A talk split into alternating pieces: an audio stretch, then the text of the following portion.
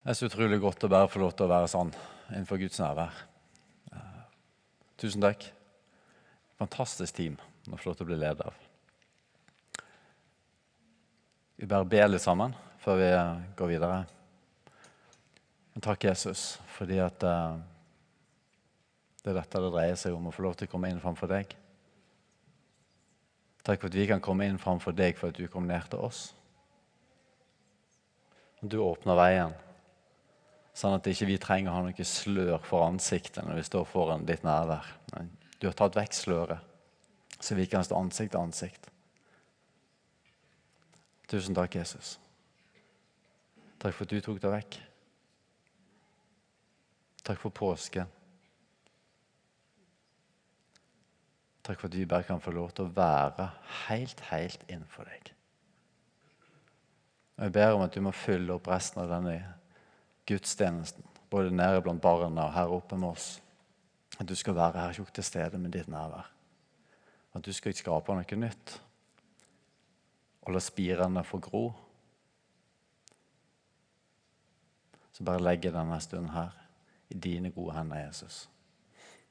Amen.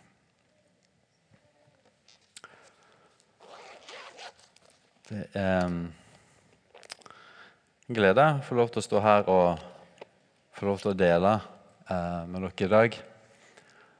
De som ikke kjenner meg, så er navnet mitt Kjartan Sørheim. Jeg eh, jobber her i Imekirken. Um, I dag er det jo palmesøndag, eh, og vi skal dvele litt ved påskens budskap eh, i dag. Men min drøm for måten vi skal gjøre det på, er òg at i dag skal vi skal jeg går inn i en par tekster. Og så håper jeg at disse tekstene kan få lov til å være med og ta litt mer bolig i oss. Ta litt mer bolig i oss. Jeg merker jeg har en tendens så Anne sa til meg her når jeg skulle på i dag igjen så, å ja, skal du begynne å snakke om identitet nå igjen? Ja, du pleier alltid å snakke om sånn. jo, du sa noe sånt. Jeg elsker å snakke om identitet. Jeg gjør det. Og jeg tror det er så viktig. Jeg tror det er så utrolig viktig at når vi Ja, jeg skjønte det positivt. Anna. Jeg tok det veldig positivt opp. Men det er sant. Jeg liker å snakke om identitet. Fordi at jeg er så opptatt av hvor henne er det ordet, hvor henne er det erfaringen har slitt nedslag. Og hvordan slår det ned i oss. Og det er veldig viktig, det. Det er utrolig viktig hvordan ordet slår ned i oss. Ikke sant? En landingsbane er viktig for ethvert fly. Det er viktig at det lander rett.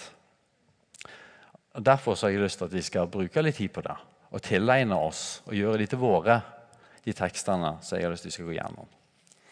Så Jeg skal snakke litt om påske, og så har jeg lyst til å snakke litt om speil. Det blir et nøkkelord for meg i dag. å snakke litt om speil. For Jeg tror Gud og jeg tror Jesus kom òg for at vi skal få lov til å speile oss i Han.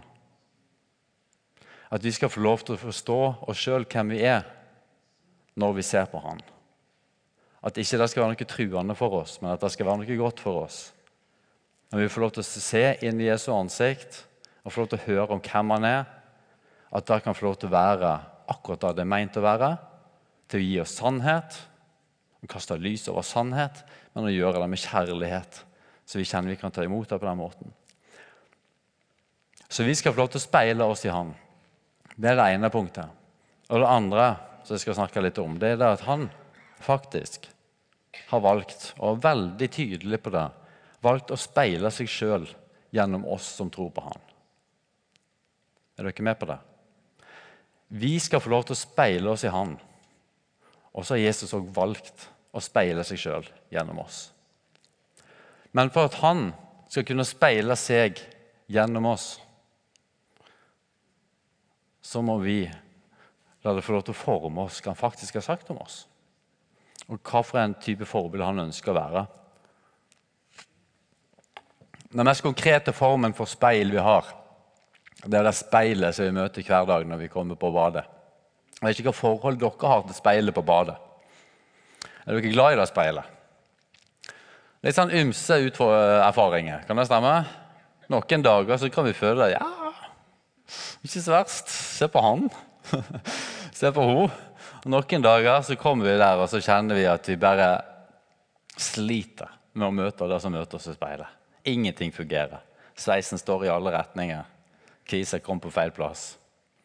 Jeg husker så godt, altså jeg, jeg, skal ikke si at jeg ikke på en måte kan møte utfordringer i speilet i dag, men det var verre for 30 år siden. Når jeg var, når jeg var sånn uh, Snart 40 år siden. Nei, det For lenge siden. altså, det, altså, jeg møtte meg sjøl i speilet der som 13-14-åring hjemme på badet i Masfjorden. Og så skulle jeg inn der og jeg, jeg, jeg, skulle, jeg, husker spesielt første gym. Da måtte jeg stå veldig tidlig. Bussen min gikk i 60-a. Men jeg sto opp kjempetidlig, for jeg måtte ha den der stunden på badet der. Og jeg sto og fiksa på den der luggen. Og jeg fiksa fiksa på den luggen der. Han var aldri særlig fin, men uh, jeg fiksa den lik hver dag. Jeg brukte en halvtime på den luggen. Og så sto jeg der, og så, prøvde, så hadde jeg smugla med meg òg en sånn der uh, For jeg, hadde en del kvise, jeg innrømmer det. Altså jeg hadde litt grann der. Det var, det var ikke helt rent. Og dette, Jeg syntes det var flaut. Altså, jeg synes det var litt pinlig. Jeg ville helst ikke at andre skulle vite at jeg syntes det var flaut òg. Det var den ene siden av saken. Så jeg eh, så hadde en, en sånn der krem da, som skulle hjelpe meg med det. Så jeg hadde gjemt i skuffa mi, og som jeg tok fram og måte tok på ansiktet mitt for at dette skulle forsvinne. Jeg hadde ikke lyst til å bli konfrontert verken med at jeg hadde kvis, eller at jeg ikke likte at jeg hadde de. Forstår dere? Så jeg, jeg kjempa litt med disse speilene. Det er på en måte å, å, å se meg sjøl som den jeg var, og se meg sjøl som, som, den Gud hadde skapt meg til. Det var utfordrende den gangen, mer enn det i dag, heldigvis. Ikke fordi at de ser så fryktelig godt ut, men jeg har nok funnet litt mer roen med den jeg er. forstår dere? Uh, det er den ene type speil. Og så vil det andre speilet. og Dette vet dere, dette har jeg hørt en del om. altså dette her at Vi blir jo speilt av forventningene rundt oss. Og I dag så er jo disse tingene veldig krevende å forholde seg til hvordan vi møter media og hvordan vi møter forventninger om hvordan vi burde være. Og det perfekte. Og så hører vi at den generasjonen som vokser opp i dag, lever med et voldsomt press på akkurat dette at vi skal være disse perfekte. Sant? Det er et speil for oss. Det sier oss noe om hvordan vi burde være. Det sier ikke så fryktelig mye om hvem vi er, men vi lar det forme identiteten vår i ganske stor grad. Er dere med på det? Ja. Vi snakker fortsatt om speil. Uh, så media har en tendens til å være vårt speil. Og så bruker vi media til å speile oss ut. Sant? Det har vi òg brukt en del tid på å snakke om. Altså Vi bruker media på det å speile oss ut. Og da viser vi ikke nødvendigvis det sanne, fulle bildet av oss. Men vi viser gjerne et glansbilde av oss Jeg kan godt bruke meg sjøl der òg. I går så postet jeg et bilde av meg og sønnen min ute i friluft. og Det så skikkelig koselig ut. Men jeg er veldig sjelden på tur. Sant? Jeg er det vide som jeg skrev òg, unnskyld meg selv, Jeg skrev at jeg er ikke friluftsmenneske. Men jeg merker jo at jeg poster når jeg er ute på tur. Jeg gjør jo det. Sant? Og så, jeg gjør jo det. Så det, det er på en måte noe av den sida, noe av det livet, så jeg syns er ganske enkelt å dele med andre. Det er lett å dele dette speilbildet. Ok? Um, men så er det jo sånn at Bibelen og Guds ord er jo gitt oss for å være det som vi skal speile oss i. Bibelen er jo gitt oss eh, for å kunne gi oss svar på hvem vi er. Så si sannheten om oss, og si det med kjærlighet. Sant? Det er Bibelen meint til å være i våre liv. I dag er det påske. Jeg har lyst til at vi skal lese en flott påsketekst i Isaiah 53. Og så skal vi speile oss litt i den teksten i Isaias 53. Vi skal holde oss da i vers 2 og ned til eh, vers 5. Dette er en profeti. Dette er en profeti som er skrevet flere hundre år før Jesus faktisk ble født. Og Det synes jeg også er en interessant måte å se altså hvordan profetier kan fungere som speil. For en profeti den gir oss et bilde av noe som vi faktisk ikke har sett. En profeti er en sannhet som kommer til oss, som opererer tidløst. Så Det interessante med det bildet som blir tegnet av Jesus i denne teksten, er at dette her ble skrevet lenge før Jesus var født. Lenge før han opplevde lidelsen, og lenge før han døde for oss. Og så, kan vi sitte her lenge etter at Jesus gjorde det for 2000 år siden. Og så kan vi se det samme bildet. Så kan vi se det samme bildet av Jesus som de gjorde før han kom, som de kunne erfare mens han var her, og som vi kan erfare i dag. Det er ganske fascinerende hvordan et, det profetiske ord som kom til Jesaja, kan gi oss et felles bilde med folk som levde for mange hundre år siden.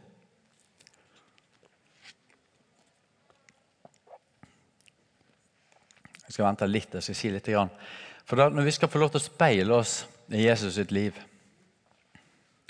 så Eller husker dere for en tid tilbake så hadde vi en serie her om å se Guds ansikt. Husker dere vi snakket om det? Dere som har vært her en stund. Til dere som ikke var her da, så hadde vi en lang taleserie som gikk på dette her å se Guds ansikt. Jeg husker en utrolig flott video som ble laga i den forbindelse. Der mange mennesker sitt ansikt ble eh, laga oppå hverandre i en sånn eh, dataprogram. Og hvordan det til slutt formet et ansikt med ei tornekrone på. Husker dere den filmen? noen? Den gjorde utrolig inntrykk på meg. For hvordan ser vi Jesus? Hvordan ser han ut? Han har jo valgt å speile seg gjennom oss. Sant? Men så er det en annen ting med dette her å se på Jesu ansikt og få lov til å speile meg i han, som jeg synes er så viktig å få tak i. Og det er hele fylden av hvem han var. Hele fylden av alt det han var. Både som sant menneske, men også som sann Gud. Ikke bare et glansbilde av Jesus. Det er en tendens når vi skal uttrykke Jesus, så, så får vi en stereotyp forestilling av hvordan det egentlig var å se inn i ansiktet til Jesus. Og hvordan ansiktet hans så ut. Er dere med på det? Jeg tror egentlig at uten at vi egentlig vet hvordan han så ut, så hadde vi tegna han ganske likt. Og Noen blir til og med fortalt at du ligner jo på Jesus. Da har de langt hår, og da har de et eller annet trekk og noen, et eller annet i fjeset som gjør at de ligner på ham. Og så ser han veldig perfekt ut. Jeg syns det er godt å få lov til å speile meg i Jesus og så få lov til å ta inn over meg hvordan så han ut. Prøve å se han, prøve å lukke øynene, prøve å se han i øynene. Og prøve å se det for meg. Hvordan Jesus? Hvordan er det du ser ut? Hvordan ser du på meg? Og så skal vi snakke om Jesus. I denne teksten her så skal vi få øye på begge de sterke sidene som trer fram ved Jesus. Det er hans menneskelighet og hans guddommelighet. På den ene sida hans menneskelighet, der vi kan få lov til å, å strekke oss etter han. Vi kan få lov til å strekke oss etter han vår, ha han som vår venn. Og vi kan få lov til å strekke oss etter han, for han er et forbilde for oss. Denne teksten viser Jesus som venn og som forbilde. Og Så kan vi òg ta noen vers som kommer seinere, der som løfter han opp som Gud. Som sann Gud. Som den som gjorde ting som vi ikke skal gjøre. Det som er ferdig, det som han har gjort. Og det som vi feirer denne påsken. Men da skal vi òg få lov å speile oss i. Ikke sant? Eh, det er det paradoks at Jesus han, som helt så framstiller han seg sjøl. Han blir framstilt så ufattelig annerledes enn dagens forbilder og helter blir framstilt. Da møter vi igjen mange steder. Da han ikke svarer til forventningen til den som skulle være konge. Han svarer ikke til disse forventningene. Men han kommer, og så er han sann, og så er han ærlig, og så er han kjærlig. Og så har han alle disse tingene på én gang, og så samler han det i seg. Og så er han bare så ufattelig ekte. Og jeg syns det er godt å ha en venn som blir beskrevet på denne måten her. I Jesaja 53, vers 2. Han skjøt opp som en spire for hans ansikt, som et rotskudd av tørr jord. Han hadde ingen herlig skikkelse vi kunne se på. Ikke et utseende vi kunne glede oss over. Er det sånn vi ser for oss Jesus? Han hadde ingen herlig skikkelse. Og han hadde ikke et utseende man kunne glede seg over. Hvordan så han ut egentlig, Jesus? Denne helten vår. Hvordan så han ut?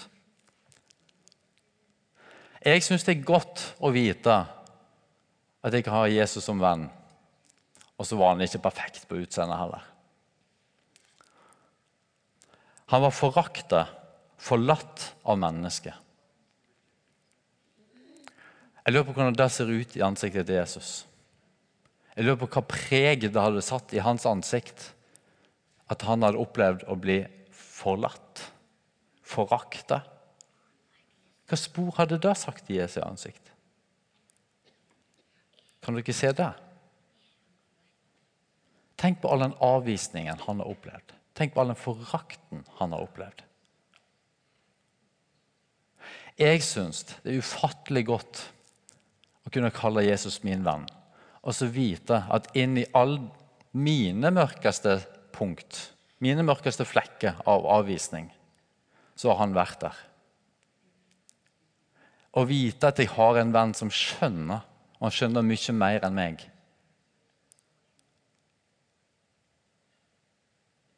Han har vært der, han har opplevd avvisningen, og det har satt spor i han.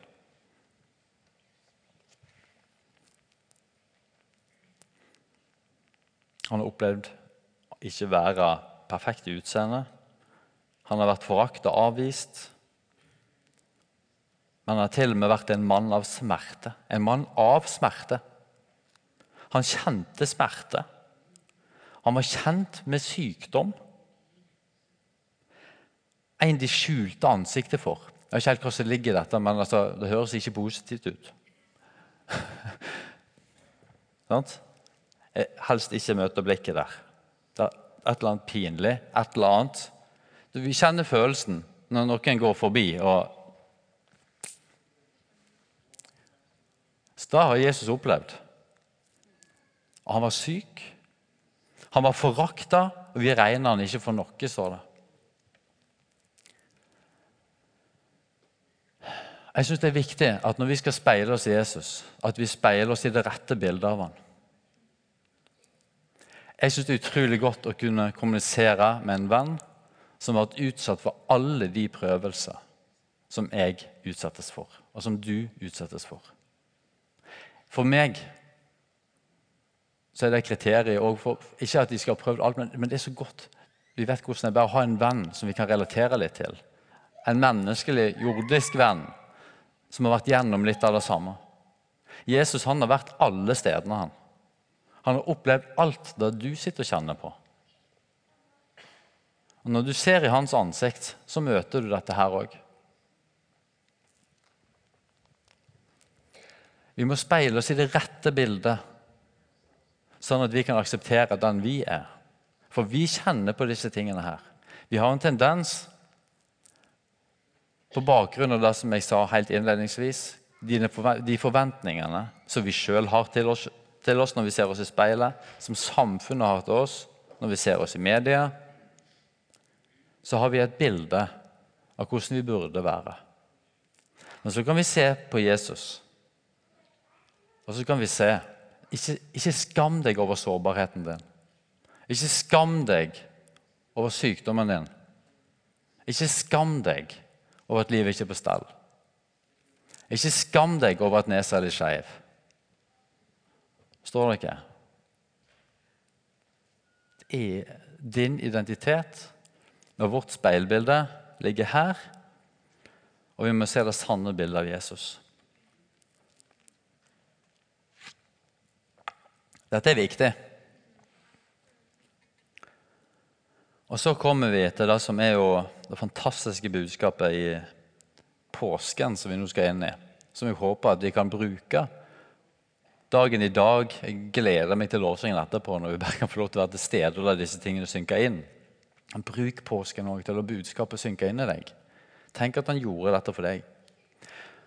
Jesus som venn, som forbilde.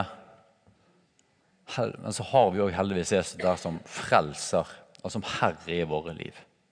Som den som bare hever seg over alt. Og som bare aksepterer det, tar det på seg og tar det i grava og renser det i våre liv. Så videre så står det i Isaiah 53 eh, Sannelig, våre sykdommer tok han på seg. Våre smerter bar han. Vi tenkte han var ramma, slått av Gud og plaga. Det er jo sånn vi gjerne tenker om mennesker som bærer sykdommer og smerte.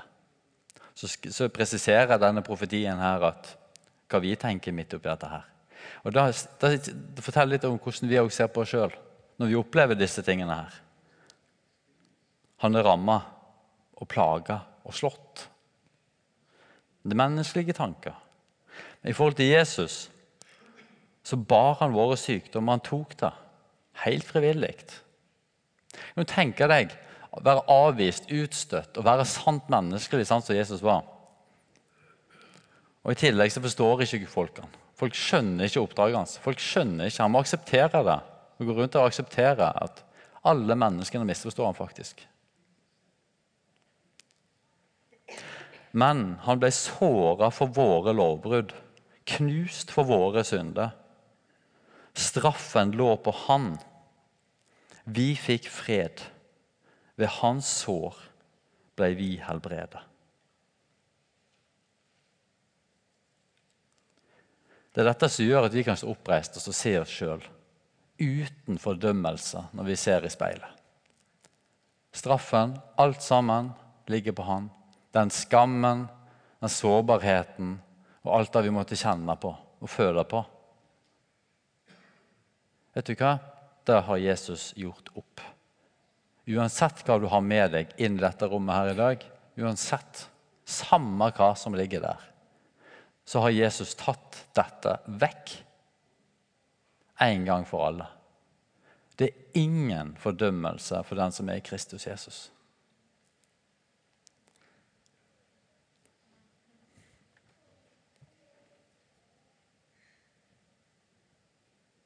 Jeg syns det var nydelig Anne, når du delte Johannes 3, 16 i deg.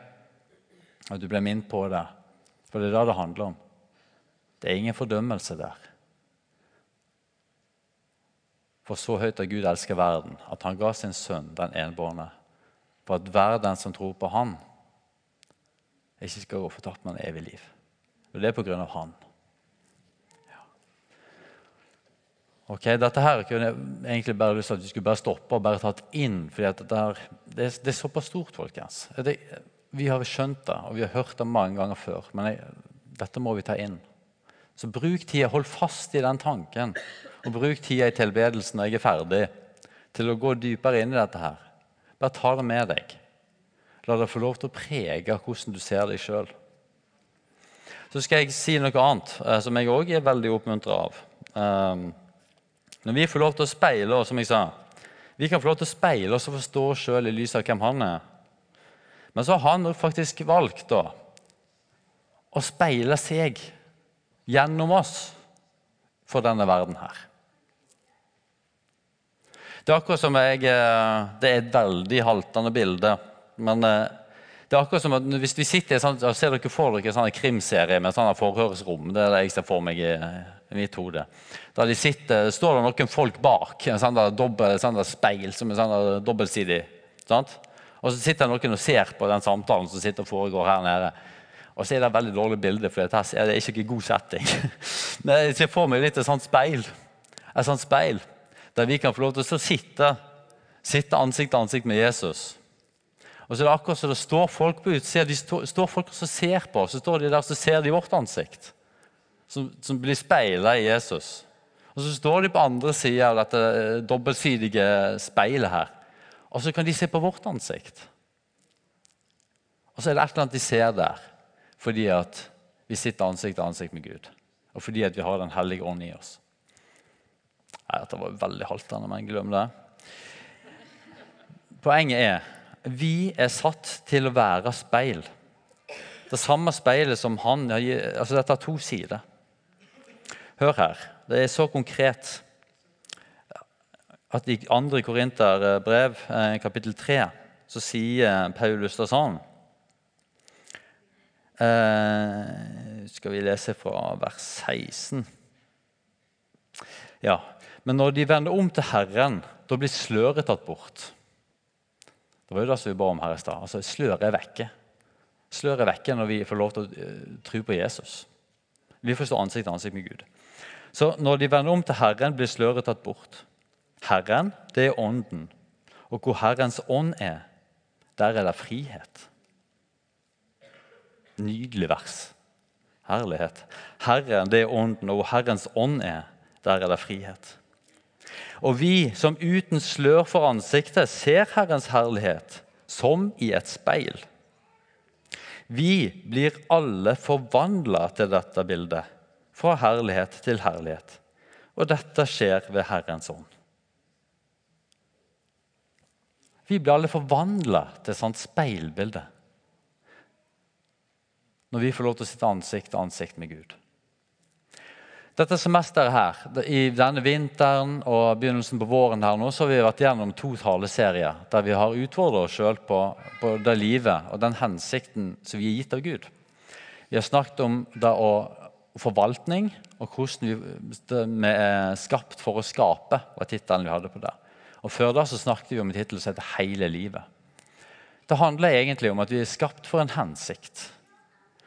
Og Den hensikten den skal vi få lov til å leve ut. Den skal vi få lov til å speile ut. Men i denne teksten her så ser vi veldig tydelig skal lese litt videre i kapittel 4 her.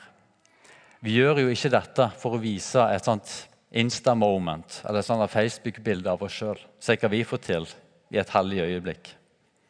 Se hva vi får til, uh, sånn som jeg postet i går. Nå er jeg endelig et lite friluftsmenneske her. sant? Klar, det er ikke sånn det er ment å være. Poenget med dette er ikke å lage sånne bilder av oss sjøl, men det er å peke på Jesus. Poenget er at vi skal kunne bli forvandla når vi får speile oss i Han, så vi blir forvandla til et speilbilde av hvem Han er. Ikke for vår skyld, men i, kapittel, i 2. Korinterbrev, eh, kapittel 4, vers 5 så står det sånn Vi forkynner ikke oss sjøl, men Jesus Kristus som Herre og oss som tjenere for dere, for Jesus skyld. Det å leve et disippelliv, det å se på seg sjøl som skapt med en hensikt, og leve det ut, det er ikke selvhevdelse. Og Dette kunne jeg godt tenkt meg å snakke ganske mye om, for dette er en stor bøyg for oss. Vi lever i en kultur der dette her nei, men ikke er lett. Å leve annerledes. Men vi er skapt til å leve annerledes. Og så må vi bare ta den smellen, da. Jesus tok mange smeller, han. Fordi at han visste hva som var sant, han visste hva som var rett. Han tok mange smeller. Men får vi ta den smellen når folk misforstår oss. Sant? For vi forkynner ikke oss sjøl, men vi forkynner Jesus Kristus som Herre og oss som tjenere for dere for Jesus skyld. Jeg synes det kommer det videre her. For Gud som sa lys skal stråle fram fra mørket. Husker dere rotskuddet som stikker opp fra den tørre jorda? I Jesaja-teksten jeg leste.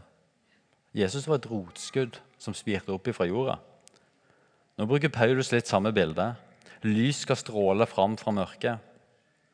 Han har også latt lyset skinne i våre hjerter for at kunnskapen om Guds herlighet i Jesu Kristi ansikt skal lyse fram. Det er sterke, en sterk tekst.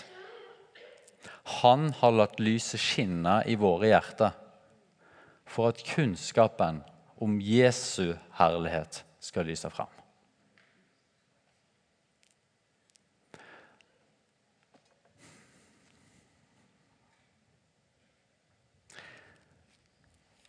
Det blir en del bibelvers. Jeg må bare dele dette verset her. Jeg elsker det verset. Johannes 7, 37. Jesus han sier at den som tørster, skal komme til meg og drikke. Når vi er tørste, så skal vi komme til han. Og så sier han Dette er Jesus sine ord. Den som tror på meg, fra hans indre skal det, som Skriften sier, renne elver av levende vann. Fra hans indre. Den som tror på meg, hvem er det, da? Det er oss. Ifra vårt indre skal det renne elver av levende vann. Det levende vannet altså De skal komme til Jesus og de skal komme og få se ham med hele sin fylde av sånn som han er. Ikke glansbildet av Jesus, men den Jesus som har opplevd alt, som har båret alt, som har tålt alt, og som har utholdt alt, og som vant over døden. Jesus han kom til oss som et sårbart menneske. Og vi skal omfavne vår egen sårbarhet. For i vers 7 så står det denne skatten som vi har fått, den skatten har vi fått i leirkrukka for at den veldige kraften skal være fra Gud og ikke oss sjøl. Denne skatten Jesus kom som en skatt, som en gave til mennesket i en skjør menneskekropp. En, uh, som et sant menneske. Den skatten vi har fått, det lyset som vi har fått, det har vi fått i leirkrukka. Sånn at vi alltid skal forstå at det Gud gjør gjennom oss, skal vi få slippe å ta fortjeneste av. Nå skal vi få lov til å gi all ære til Gud for det.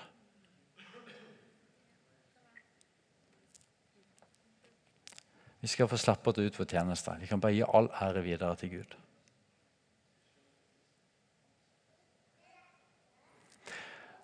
Kanskje det viktigste som jeg har lyst til å si i dag, når vi speiler oss i Jesus så ikke skam deg over din egen sårbarhet. For når du ser i Jesu ansikt, så ser du ansiktet til en som var såra. Er en som var knust. Er en som har vært alle disse stedene i livet. Og når vi skal forvalte den hensikten som han har lagt ned i vårt liv, så ikke skam deg over leirkrukka di. Ikke skam deg over at du er sårbar. Ikke tenk ned om deg sjøl fordi at du har fått den kroppen du har fått. Du har fått de belastningene du har fått i livet. Du har disse sprekkene. I det øyeblikket vi aksepterer at vi har en sprekke i våre leirkar, så tror jeg lyset bare kommer til å skinne enda mer. Når vi ikke prøver å tette igjen disse sprekkene. Da kommer lyset til å skinne ut. Men du må akseptere sprekkene i livet ditt. Så skal du vite at når Jesus kom, og når han døde på korset, så var det bare fordi at han elsker deg. Fordi at du er akseptert. Så vi skal få slippe å streve og kave for å bli akseptert av han, men akseptere at du er akseptert som den du er, sånn som du er.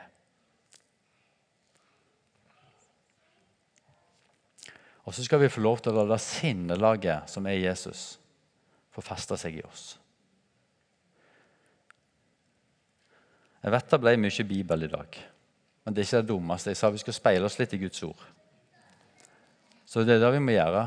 Vi må ta Guds ord og bruke det, og la det fortale sannhet om våre liv. Så Derfor så vil jeg òg at vi skal lese andre en tekst. Jeg skal bare lese, skal ikke legge den ut. Men en av de aller vakreste tekstene i Filippane 2. Vers 4-11. En flott påsketekst. Dere kan egentlig bare gjøre dere klare dere lovsangstime. Uh, tenk ikke bare på deres eget beste, men også på de andres. La samme sinnelag være i dere som også var i Kristus Jesus. La samme sinnelaget. Han var i Guds skikkelse og så det ikke som et rov å være Gud lik. Han var Gud. Men han ga avkall på sitt eget, tok på seg en tjenerskikkelse og ble menneskelik. Da han sto fram som menneske, så fornedra han seg sjøl og ble lydig til døden. Ja, døden på korset. Derfor, fordi at han gjorde det, derfor har også Gud opphøyd ham til det høyeste og gitt ham navnet over alle navn. I Jesu navn skal derfra hvert kne bøye seg. I himmelen, på jorden og under jorden. Og hver tunge skal bekjenne at Jesus Kristus er Herre, til Gud Faders ære. La oss forvandle ved det sinnelaget. Der framstår han som et forbilde for oss. Ikke tenk på oss sjøl. Tenk på andre. Bry oss. Og så løfter han opp som herre og konge. Som den som er verdt å tilbe, som den som har gjort alt ferdig en gang for alle. Så Nå har jeg lyst til at vi skal, nå har vi god tid. Vi begynte kom i gang tidlig her i dag, så jeg, jeg bare har lyst til noe. Nå har vi tid, nå har vi 20 minutter. og alt sånt. Nå kan vi bare bruke all tid og være i Guds nærvær og bare få lov til å ta til oss og hva Han har gjort for oss. Speil, bruk tida til å speile deg i det sanne. Prøv å se Jesu ansikt. Prøv å se hans øyne. Begynn der. Se hans øyne for deg. Og så er det ikke et, Se deg, se at han har, han har, han har arr i fjeset sitt. Det har han fordi han, han har det for din skyld. Han hadde ikke trengt å ha de der, for han er suveren. Men han, han fornedrer seg sjøl, og så ble han lydig. Og så tok han disse arrene for deg. Og han gikk gjennom alt dette her for deg. Og jeg tror vi trenger litt tid til å bare la det synke inn.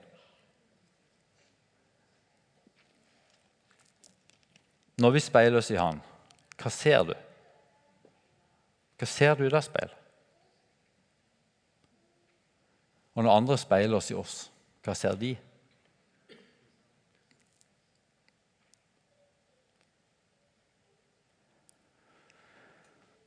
Kjære Jesus, jeg takker deg for uh, din ufattelige kjærlighet. Takk for at du har gitt oss ditt ord.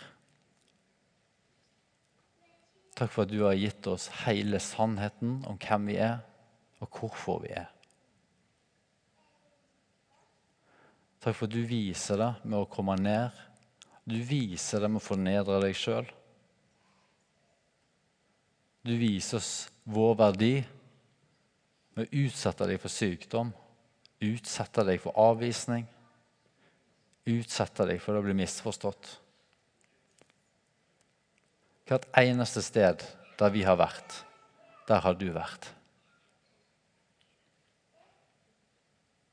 Takk for at de kan få ha deg som den mest troverdige og beste vennen som bare kan tenkes. Og takk for at vi kan få lov til å stole på at du alltid vil følge oss gjennom hver eneste fase i våre liv.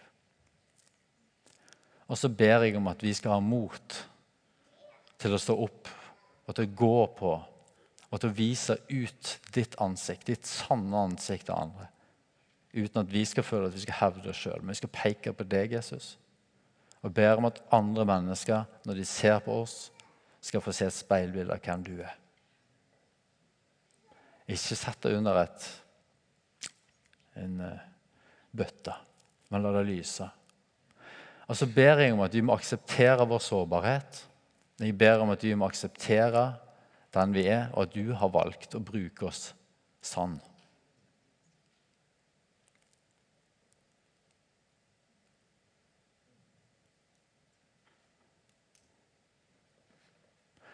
Kan alle sammen bare reise seg?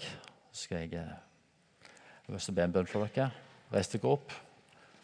Så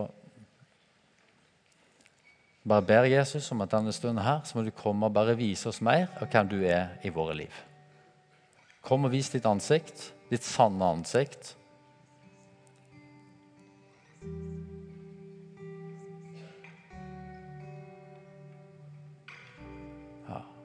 Takk for ditt nærvær, Jesus. Takk for ditt nærvær.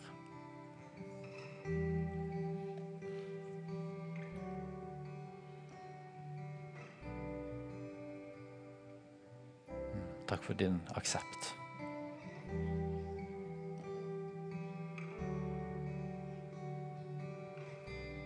Takk for at du er konge. Takk for at du er frelser.